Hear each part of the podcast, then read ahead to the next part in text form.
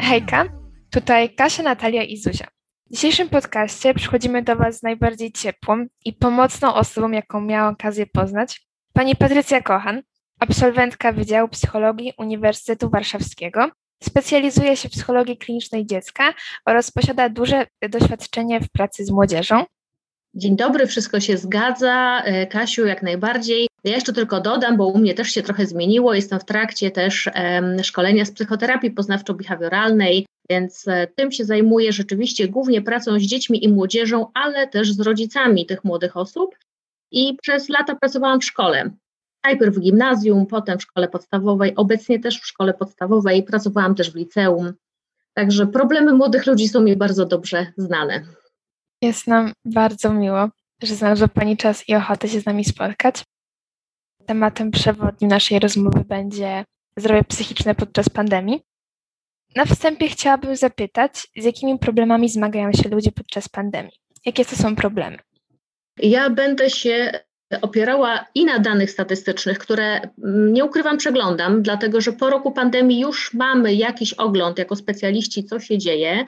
E, w szkole, w której obecnie pracuję, również trzymamy tutaj rękę na pulsie. Jesteśmy też po takiej wstępnej diagnozie naszych uczniów, z czym się zmagają, więc będę też się opierała na tym, z czym ja się spotykam na co dzień.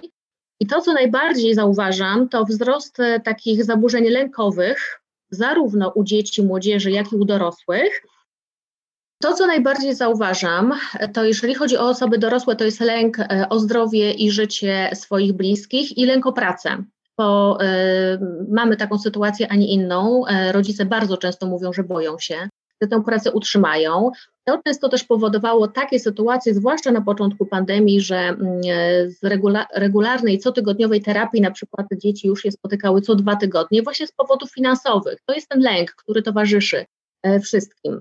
Natomiast jeżeli chodzi o młodych ludzi, to ja widzę taki lęk, który dotyczy powrotu do szkoły, Jedni się tego e, powrotu do szkoły obawiają, inni skupiają się, że nie wrócą długo do szkoły. I tutaj chciałabym się też podzielić taką refleksją, jeśli chodzi o młodych dorosłych, czyli osoby w waszym wieku, licealistów i takich młodych studentów, ponieważ zgłaszają się z problemami, których ja wcześniej nigdy nie słyszałam. To są lęki o przyszłość. Co będzie dalej ze mną? To jest często, nie wiem, czy wy macie takie doświadczenia, ale e, licealiści e, trafiają do mnie z czymś takim. Proszę pani, się boję, co dalej będzie z moją przyszłością. To, jest, to są trzy moje lata stracone.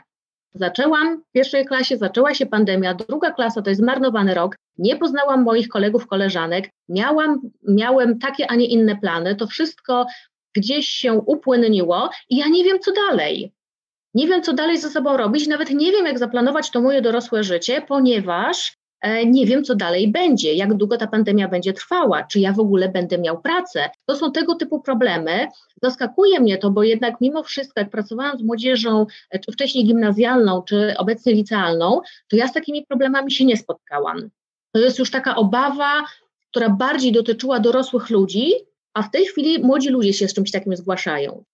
Czyli te zaburzenia lękowe e, na pewno wzrastają. I to, co też widzę, to zaburzenia depresyjne. To jakby jedno bardzo często idzie z drugim w parze, ale rzeczywiście dużo mam teraz właściwie wysyp. Ja, moi znajomi, którzy pracują w tym zawodzie, próbujemy gdzieś odsyłać e, do siebie młodych ludzi potrzebujących pomocy, natomiast jest tak dużo osób, które teraz potrzebują wsparcia, że naprawdę zaczyna brakować miejsc, co też pokazuje, jak bardzo duże jest zapotrzebowanie. I te kryzysy E, no, przeradzają się w takie zaburzenia depresyjne u coraz też młodszych dzieci. To jest to, e, z czym ja się spotykam. Skoro wiemy już, jakie te problemy powstały podczas tej pandemii, z czym zmagają się ludzie, to gdzie możemy szukać pomocy? E, wiemy, że są telefony zaufania, ale jak ich działanie wygląda? Czy one działają, są dostępne? I czy jest możliwość skorzystania też z darmowych konsultacji? Czy w ogóle jest taka możliwość, istnieje coś takiego jak darmowa konsultacja? Y, dostęp do specjalistów na NFZ wiadomo, że w Polsce nie jest y, łatwy. Y, wszyscy wiemy, jak wygląda sytuacja psychiatrii, zwłaszcza dziecięcej i pomocy też psychologicznej, ale również dla osób dorosłych. Ja mam nadzieję, że to się zmieni, bo coraz więcej się o tym mówi. Natomiast rzeczywiście widzę, że podejmowane są próby, żeby taką pomoc organizować bezpłatną, dlatego że koszty terapii, koszty wizyt są bardzo duże, zwłaszcza wizyty u psychiatry są naprawdę w tej chwili bardzo wysokie. Nawet mnie zaskoczyło, jak bardzo te ceny poszły w górę. Są to takie zaporowe ceny dla wielu osób. Widzę, że są podejmowane jakieś próby. Środowisko psychologów, ponieważ ja akurat ten temat śledzę, cały czas próbuje apelować tutaj do różnych instytucji, żeby taką pomoc zorganizować. I wydaje mi się, że w ogóle po tym roku pandemii, nie wiem jeszcze co wymyśli Ministerstwo Edukacji, ale patrząc na potrzeby dzieci i młodzieży, na pewno będą podejmowane jakieś działania. W tej chwili można rzeczywiście, tak jak Zuziu powiedziałaś, korzystać z telefonów zaufania. Jeżeli chodzi o taki telefon, który ja mogę polecić, który działa, to jest telefon Fundacji Dajemy Dzieciom Siłę. Owszem, tam czasami trudno się dodzwonić, ale to dlatego, że rzeczywiście bardzo dużo dzieci dzwoni. Natomiast znam tę instytucję i wiem, że rzeczywiście można tam zgłosić się po pomoc i porozmawiać. Tam rzeczywiście pracuje sztab ludzi, którzy znają się na rzeczy i w tej chwili przy problemach z pandemią również otwierają taką możliwość rozmawiania o tego typu problemach.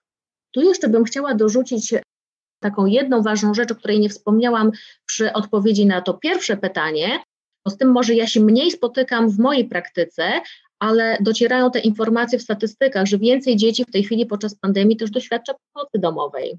Akurat takie dzieci może do mnie nie trafiły, ale wiem, że tak się dzieje. I taki telefon jest rzeczywiście takim rzetelnym telefonem, w którym te dzieci mogą uzyskać pomoc. Gdybyśmy jako dorośli zajrzeli na stronę um, rządową GOW-u, to tam też jest cała lista różnych telefonów e, zaufania, telefonów pomocy, godziny, w których można tę e, pomoc uzyskać, także warto tam zajrzeć. Inna pomoc, no to oczywiście pomoc płatna. Tych ośrodków jest bardzo dużo i ja bym tutaj tylko apelowała o jedno. Lepiej jest e, zacząć wcześniej udzielać tej pomocy, jeżeli widzimy, że z nami lub z naszymi bliskimi coś się dzieje, niż czekać, bo wtedy ta pomoc może przyjść troszkę za późno i może być po prostu trudniej. Co możemy powiedzieć, jak możemy pomóc osobie, która straciła pracę przez pandemię? E, no więc tak, ja bym tutaj powiedziała przede wszystkim e, w ten sposób, że warto unikać jakichkolwiek takich pocieszeń, takich typowych pocieszeń, wszystko będzie dobrze, głowa do góry, to nigdy się nie sprawdza. E, wręcz przeciwnie, powoduje bardzo dużą złość i takie poczucie niezrozumienia. Więc w każdej rozmowie, jak chcemy pocieszyć, unikajmy tego typu pocieszeń. To, co się może przydać przede wszystkim, to wysłuchanie, żeby ta osoba miała takie poczucie, że może się wyżalić, może powiedzieć, jak się czuje, a potem w przypadku osoby dorosłej bardzo sprawdza się taka konkretna pomoc. Tak? Czyli jak już wysłuchamy tę osobę, kiedy ona może powiedzieć bez oceny, o tym, czego się boi, czego się lęka, to wtedy możemy już taką osobę pokierować. Czyli na przykład, wiesz, mogę Ci pomóc, e, przejrzyjmy Twoje CV.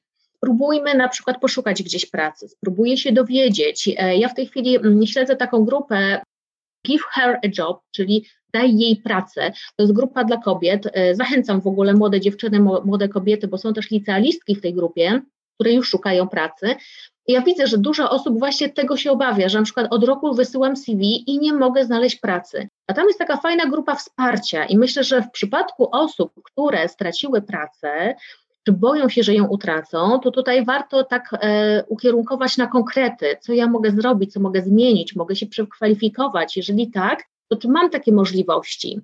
Czyli wtedy możesz takiej osobie pomóc po prostu na konkretach. Pandemia jest dla wszystkich bardzo trudnym okresem. To jest bardzo trudna sytuacja, w której znajduje się całe społeczeństwo. Jednak według Pani opinii, kto gorzej znosi całą pandemiczną sytuację? Czy są to starsze osoby, czy jednak młodzież, dzieci? Nie mam szklanej kuli, więc nie wiem, kto wyjdzie lepiej, kto wyjdzie gorzej. Myślę, że w każdym z nas zostanie jakieś spustoszenie i na pewno to bardzo zmieni i już zmienia społeczeństwo. Oczywiście odpowiem typowo jak psycholog, to zależy ale zaraz odpowiem konkretnie, Zuziu, na to pytanie, ponieważ tak, zależy to przede wszystkim, i to chcę powiedzieć, od konstruktu osobowościowego. Istnieją tak zwani ludzie niezatapialni i ludzie zatapialni, czyli takie osoby, które nawet jak poniosą pięć porażek w życiu, czy dziesięć, to one i tak się podniosą. Czyli wszystko zależy od tego, jaką ja mam odporność psychiczną, jak ja patrzę na daną sytuację. To, to jest kluczowe. Natomiast gdybym miała teraz już konkretnie odpowiedzieć, bo da się odpowiedzieć w, w moim poczuciu na to pytanie, Zuziu, to y, wydaje mi się, że jednak y, gorzej tę pandemię odczują młodzi ludzie. Dlaczego? Przede wszystkim dlatego, że dorośli mają już za sobą pewne doświadczenia. Już jakieś porażki, kryzysy y, w ich życiu wystąpiły. Lepiej, gorzej, ale sobie z nimi poradziliśmy. Mówię my, jakby, jako przedstawiciel osoby dorosłej. Więc my już troszeczkę potrafimy sobie z tym poradzić. Możemy jakoś podejść do tego racjonalnie, konstruktywnie, Mało tego, no troszkę umysły e, czy mózgi po prostu dorosłych osób też już funkcjonują inaczej, bo my mamy jednak bardziej dostęp do takiego racjonalnego myślenia, a teraz na młodych ludzi, na dzieci i młodzież. Mało doświadczeń życiowych, czyli taka osoba nie ma się do czego odwołać, że ja sobie kiedyś w podobnej sytuacji kryzysu poradziłem, poradziłam. Dzieci i młodzież w dalszym ciągu są zależne od osób dorosłych, od osób, które gdzieś będą y, ich wspierać i im pomagać. Mało tego, nastolatki, e, czyli właśnie wasza grupa wiekowa, to jest taki wiek, kiedy według najnowszych badań umysł rekonstruuje się kilkanaście razy w ciągu dnia. Tam zachodzi mnóstwo burzliwych zmian. To nie jest czas na to, żeby wyciągać racjonalne wnioski, żeby jakoś popatrzeć z dystansem na pewne sprawy. Właśnie nie. I to jest normalne, to jest jakby norma rozwojowa, ale zobaczcie, jak bardzo krucha i delikatna.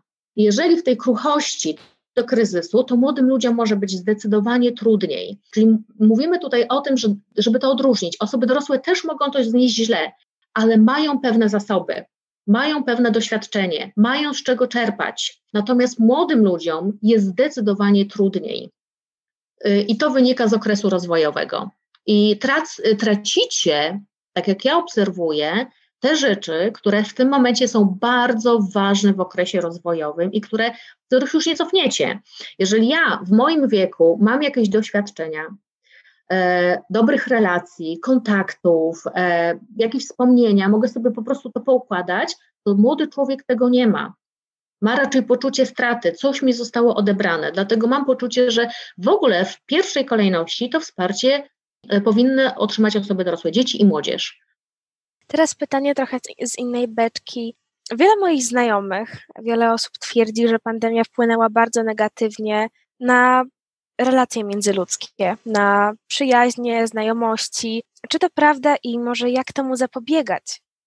Tak, jest to prawda yy, i wśród osób dorosłych też to wpłynęło troszeczkę na relacje. Na przykład, zacznę może od osób dorosłych, że na, yy, zaobserwowano, że jest więcej rozwodów Nagle się okazało, że takie życie w tym stresie spowodowało i dwie osoby zamknięte właściwie na jednej przestrzeni nie do końca sobie radzą. To, to, to też w jakiś sposób weryfikuje nasze relacje.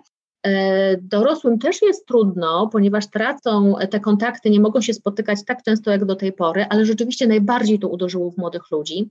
I jak u nas w szkole zrobiono ankietę, zrobiliśmy ankietę, w której diagnozowaliśmy te trudności, to byłam zaskoczona, jak wielu młodych ludzi, mimo podejmowanych jakichś tam prób spotykania się na tyle, ile to było możliwe, e, cierpi na samotność.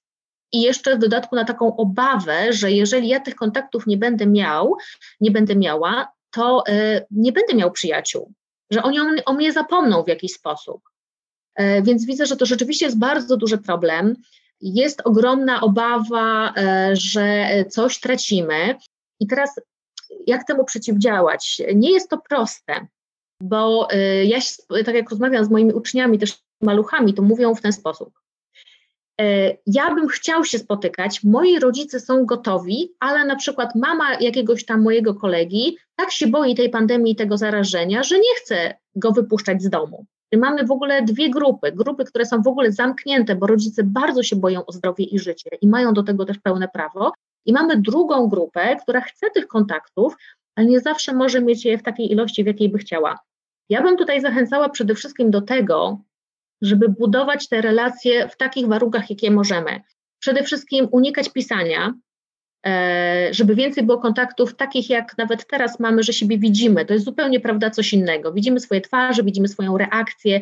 To jest to nie jest to samo, bo brakuje, tak jak młodzież mówi, brakuje mi przytulenia, brakuje mi, żeby ktoś mnie za rękę potrzymał, brakuje mi, żebyśmy się, nie wiem, poprzepychali trochę po koleżeńsku, mówię teraz o takich małych dzieciach, e, ale na przykład młodzież bardzo często mówi, brakuje mi przytulenia przez przyjaciela, przyjaciółkę, tak, takich prostych gestów, To jest e, rzeczywiście coś, czego nie zastąpi nam internet, ale mimo wszystko uważam, że warto gdzieś budować te relacje, zastanowić się, co ja mogę zrobić. Na przykład wysłać jakiś prezent przyjacielowi, przyjaciółce, zrobić jakąś niespodziankę, ale wszystko to zależy już od naszej pomysłowości, pomysłowości rodziców, jeżeli chodzi o te młodsze dzieci. Co my możemy robić, żeby te relacje budować? To mogą być jakieś pomysły typu napiszę tradycyjny list, zrobię zupełnie coś innego, tak, niż do tej pory. E, jakieś próby organizowania kontaktów, jeśli tam, gdzie jest to możliwe, żeby przynajmniej chociaż w jakimś małym zakresie te dzieci mogły ze sobą pobyć. Jest to wyzwanie ogromne, ale wydaje mi się, że lepiej jest próbować, niż e, mieć e, takie podejście, nie da się z tym nic zrobić. Chciałyśmy Panią zapytać, czy obserwując obecną sytuację w kraju i na świecie, jest Pani w stanie przewidzieć, jak będą wyglądały relacje międzyludzkie, jak będą wyglądały kontakty z ludźmi? To jest chyba najtrudniejsze pytanie z tego e, dzisiejszego spotkania, dlatego rzeczywiście trudno to przewidzieć. E, nie mam chyba w sobie takiej śmiałości, żeby jednoznacznie mówić, jak to będzie wyglądało.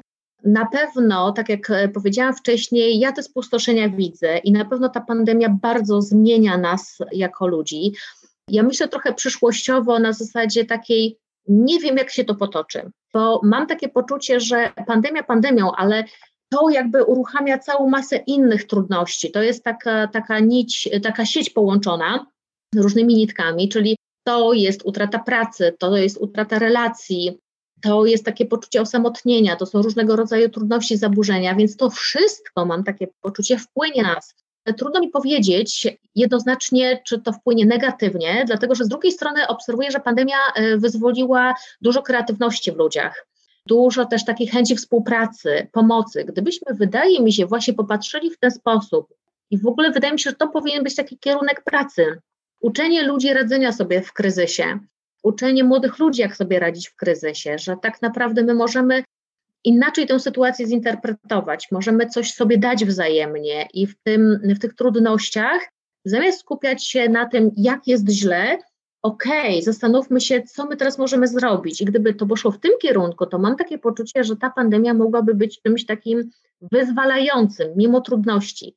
Natomiast mam poczucie, że dużo jest zniechęcenia, dużo jest obaw, e, dużo jest przede wszystkim napięcia. Jak obserwuję sobie na przykład różne fora i wypowiedzi ludzi, to widzę bardzo dużo napięcia, ale takiego wręcz wyrażonego taką agresją. To jest dla mnie troszeczkę niepokojące. Jeżeli to będzie szło w tym kierunku, to zdecydowanie to wpłynie negatywnie na relacje międzyludzkie. Troszkę brak ludziom cierpliwości. Mam poczucie, że to wynika z pewnej frustracji która wiąże się z niewiadomą, niewiadomą jeśli chodzi o pracę, niewiadomą jeżeli chodzi o sytuację polityczną na świecie, bo wszędzie jest e, ten sam niepokój. W każdym kraju, tak jak obserwuję, ludzie się po prostu boją tego samego e, i mają już dosyć. To jest właśnie ta frustracja i bezradność. Więc myślę, że jeżeli to weźmie górę, to rzeczywiście wtedy wpłynie to negatywnie na relacje. Tak jak mówię, nie mam szklanej kuli, więc z daleka jestem od tego, żeby powiedzieć, że na pewno wpłynie to dobrze, na pewno to wpłynie źle, ale chciałabym, żebyśmy to widzieli w ten sposób, że może wpłynąć dobrze, Natomiast patrząc na realia, mam poczucie, że jeśli ludzie nie zostaną odpowiednio zaopiekowani, no to niestety te wszystkie lęki, te obawy wpłyną na y, relacje. Jakie słowa chciała Pani powiedzieć do młodzieży, skierować do młodych ludzi, którzy zmagają się ze swoimi problemami i nie chcą o nich mówić, bo duża część młodzieży wie o tym, że ma problem, ale po prostu może przez, y, przez wstyd nie chce po prostu się do nich przyznać i nie szuka dalej pomocy. Ja chciałam powiedzieć przede wszystkim, że jak obserwuję młodych ludzi, to oni są bardziej gotowi rozmawiać niż dorośli. To są moje doświadczenia, dlatego ja tak bardzo lubię pracować z młodzieżą, bo jednak młodzi ludzie bardziej są otwarci, żeby o tych problemach rozmawiać, ale zgadzam się, że są też takie osoby, które są bardziej zamknięte w sobie. Ja wiem, że to jest bardzo trudne, bo trzeba zbudować relacje, trzeba e, gdzieś mieć poczucie zaufania, zanim się komuś powie o swoich problemach. To nie jest e, proste, żeby się odsłonić przed jakąś obcą osobą, czy w ogóle nawet osobą, którą znamy, bo to trochę jest tak, jakby trzeba było z, z, zdjąć z siebie ubranie i pokazać się tak kompletnie e, nagim, czyli w sensie psychicznym nagim, czyli ja mam problemy, ja jestem słaby, mam trudności. E, I to wymaga ogromnej odwagi, bo każdy się boi takiego zranienia, czy ktoś potraktuje mnie poważnie, ale chciałabym i tutaj rzeczywiście zaapeluję, dajcie sobie pomóc. bo naprawdę warto. I im wcześniej to zrobicie, im wcześniej e, doświadczycie wysłuchania, im wcześniej e, dostaniecie tę pomoc, tym większa mm, szansa na to, że wasze życie będzie wyglądało lepiej. Ja tutaj się mogę tylko odwołać do uczniów, e, z którymi mam kontakt, którzy są już dorosłymi w tej chwili, dwudziestoparoletnimi ludźmi, z którymi pracowałam w gimnazjum przez lata. Kiedy dostaję od nich informację zwrotną, to nie jest jakby mój wymysł. Mogę teraz bazować na tym, co oni mi mówią dzięki temu, że przyszedłem, przyszłam, i tu mówię o osobach, które zostały, nie przyszły jednorazowo, nie przyszły tam dwa, trzy razy, ale naprawdę chciały sobie pomóc, to ja uważam, że to w ogóle nie była moja pomoc. To oni zadbali o siebie. E, dlatego warto, warto poświęcić trochę czasu dla siebie, bo potem rzeczywiście łatwiej sobie poradzić, e, wkraczając w dorosłość. Ja też często spotykam się z takim z takim odrzuceniem ze strony dorosłych. E, mówimy dorosłym o problemach naszych, a często spotykamy się ze słowami przesadzasz, jesteś zbyt młody na takie problemy, to jakieś niuanse. Jak właśnie przekonać osobę, osobę dorosłą, rodzica, dziadków do, do wsparcia w jakimś takim problemie? Ja się w ogóle cieszę bardzo za to pytanie, bo rzeczywiście wcześniej powiedziałam, że warto tej pomocy szukać. Natomiast rzeczywiście ja się zgadzam tutaj z całą taką przykrością, e, że dorośli nie słuchają.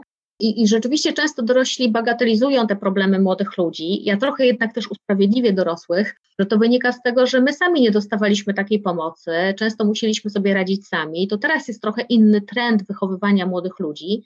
Więc z jednej strony mam apel do osób dorosłych, Y, rodziców i nauczycieli, nie bagatelizujcie, bo jeżeli ktoś mówi o swoich uczuciach i dziecko mówi, że na przykład cierpi, że ma dosyć, że się źle czuje, to znaczy, że tak jest. Z uczuciami nie można dyskutować. No po prostu czujemy coś i koniec, tak? My możemy dyskutować z myślami, ale nie dyskutujemy z uczuciami. A z drugiej strony pomyślałam sobie, że mm, jeżeli już jest taka sytuacja u młodego człowieka, nie mam tego wsparcia u najbliższych, powiedziałem, próbowałem powiedzieć, usłyszałem, co ty wymyślasz, a jednak czujesz, że źle się z tobą dzieje i tej pomocy potrzebujesz, to spróbuj się rozejrzeć w swoim otoczeniu, czy nie ma osoby, do której mógłbyś się zwrócić. Do osoby, z którą się czujesz w miarę dobrze. To może być specjalista w szkole, to mo może być nauczyciel, którego wyjątkowo się lubi i widać, że ten nauczyciel ma dobre podejście do ucznia. To może być jakaś osoba dalsza z rodziny, bo ja na przykład spotykam się z tym, że ktoś mówi: Ja mam taką ciocię, z którą mogę porozmawiać albo to jest babcia. I czasami ta osoba jedna może być jakimś takim mm, no, punktem, który zapali u innych to zainteresowanie dzieckiem, że jednak warto pomóc, coś się dzieje takiego. Rodzice najczęściej trafiają w takiej sytuacji, kiedy już naprawdę jest bardzo źle, e, a ja bym chciała tego uniknąć, bo wydaje mi się, że nie powinniśmy czekać do sytuacji krytycznej, tylko rzeczywiście tej pomocy udzielać jak najwcześniej okres mm, dorastania jest najbardziej taki kruchy i delikatny. My dorośli często sobie nie radzimy z pewnymi rzeczami, a co dopiero dzieci, które nie mają jeszcze takich możliwości. Więc ja bym naprawdę zachęcała młodą osobę do tego, żeby się rozejrzała. Zdaję sobie też sprawę z tego, że jeżeli się komuś zaufa, a usłyszy się, mm, wymyślasz, albo olej, daj spokój, albo będzie dobrze, no to łatwo się wtedy wycofać i zniechęcić, prawda? w ogóle mamy taki kryzys zaufania i zrozumienia, bo bardzo często jak mamy swój problem, to tak nam się wydaje, on jest taki duży i potężny, a jak się o nim powie, to się wtedy wydaje taki mały. Natomiast, e, i to często towarzyszy młodym ludziom, mówią, kurczę, to mi się wydaje takie głupie. Na przykład, o, bardzo dobry przykład, którym się często posługuję, czyli na przykład sprawy sercowe, że dorośli często mówią, no Boże, jakie głupoty, co to za miłość, bardzo ważna miłość. Bo ja uważam, że jak w wieku nastu lat nauczymy się źle relacji męsko-damskich, a to jest teraz czas treningowy, ale coś pójdzie nie tak. I taka osoba zostanie zraniona jej zaufanie zostanie mm, nadużyte, no to to będzie rzutowało na resztę relacji. Dlatego nie można tego bagatelizować. To nie są jakieś tam miłostki, to są bardzo ważne etapy w życiu młodego człowieka. Mimo wszystko ja zachęcam do tego, żeby się porozglądać za dobrą osobą, a jeżeli takiej osoby nie ma, to wtedy rzeczywiście warto skorzystać z tych telefonów zaufania, o których mówiłyśmy, bo wtedy mamy większą gwarancję, że znajdziemy tam profesjonalistę, który wie, jak rozmawiać i może wtedy jakoś pokieruje. Ale w pierwszej kolejności rozejrzyjmy się, czy w naszym otoczeniu jest ktoś dorosły, kto może pomóc. A chciałam powiedzieć, że ja jestem osobą, która doświadczyła czegoś takiego. jak miałam 15 lat, spotkałam takiego nauczyciela, który był takim wsparciem, osobą, która nigdy nie nadużyła mojego zaufania.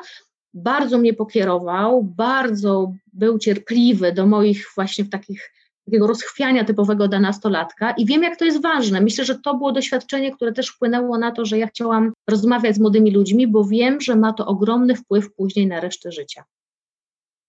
Co Pani chciałaby tak od siebie na zakończenie powiedzieć młodym ludziom? Pierwsza rzecz, która mi się bardzo ciśnie do głowy, jak tak obserwuję, e, to jest takie zdanie, które kiedyś, pamiętam, na zakończenie gimnazjalistom napisałam, że Twoje e, życie psychiczne jest ważniejsze niż oceny dlatego że bardzo ubolewam na tym, że oceny trochę są traktowane priorytetowo. Mam nadzieję, że pandemia trochę spowoduje, że i dorośli w postaci rodziców, jak i e, nauczycieli spojrzą na to inaczej. Rodzice widzę, że już to widzą, że ten, te oceny nie są najważniejsze, ale to bym chciała przede wszystkim skierować, że teraz to jest taki czas, żebyście zadbali o siebie na każdym poziomie, że ta pandemia może być też takim wyzwalaczem czegoś dobrego, spróbujcie na to tak popatrzeć, co, co, ja dzięki, co ja dzięki temu zyskałem, zyskałam, e, czego się nauczyłem o sobie, co ja mogę jeszcze zrobić dla siebie.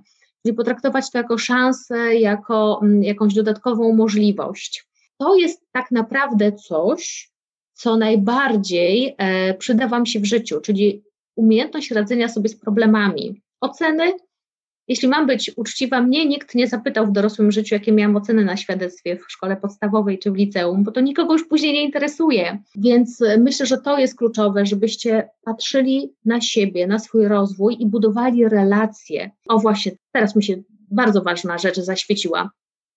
Jeśli miałabym powiedzieć, co jest takim czynnikiem chroniącym najbardziej, najlepszą profilaktyką zdrowia psychicznego, to są to dobre relacje dobre relacje z dorosłymi, jeżeli mamy choć jedną taką osobę dorosłą, z którą się dobrze dogadujemy, której możemy zaufać, bo rówieśnicy fajnie, ale wiecie, to oni też mają te same problemy, tak? A jednak fajnie mieć osobę, która już ma jakieś doświadczenie i może tak nas pokierować. Tu, tu znowu się odwołam do mojego tego doświadczenia życiowego, ale też bardzo ważne są relacje z rówieśnikami, czyli coś, co teraz nam zostało odebrane, a jest niezwykle ważne do budowania własnej tożsamości i poczucia bezpieczeństwa. Więc zachęcam do budowania relacji i zadbania o swoje życie emocjonalne. To jest najlepsza inwestycja. Dziękujemy bardzo. E, dziękujemy bardzo też Pani za rozmowę. Myślę, Dziękuję że również. po odsłuchaniu młodzi ludzie na pewno przemyślą ten cały okres pandemii, zastanowią się, jak to u nich wygląda, czy faktycznie ich relacje uległy teraz rozpadowi. Także bardzo dziękujemy, naprawdę. To dla nas ogromne wyróżnienie, że zgodziła się Pani z nami porozmawiać i znalazła Pani czas. Także super było poznać Pani opinię. Cała przyjemność po mojej stronie. Ja zawsze z młodzieżą chętnie e, się spotykam. Wiem, jak to jest ważny moment, więc mam nadzieję, że nie mówiłam jakoś bardzo chaotycznie, bo zawsze mam tysiące myśli w trakcie, i mam nadzieję, że rzeczywiście kilka osób z tego skorzysta. E, zawsze się cieszę, kiedy młodzi ludzie czerpią e, i takie jeszcze na zakończenie powtórzę. Ja wierzę w młodych ludzi. Naprawdę. Tak jak często dorośli narzekają, to mówię, nie, nie, nie, właśnie to młodzi ludzie są katalizatorem największych zmian, więc dlatego e, ja, ja to po prostu nadal czuję. Może jeszcze ja duchem jestem taką nastolatką w pewnym stopniu, nie wiem, albo dobrze pamiętam, jak to było, więc naprawdę mam nadzieję, że y, to, co, o co mnie pytałyście i to, o czym porozmawiałyśmy, okaże się przydatne. Bardzo dziękuję za zaproszenie.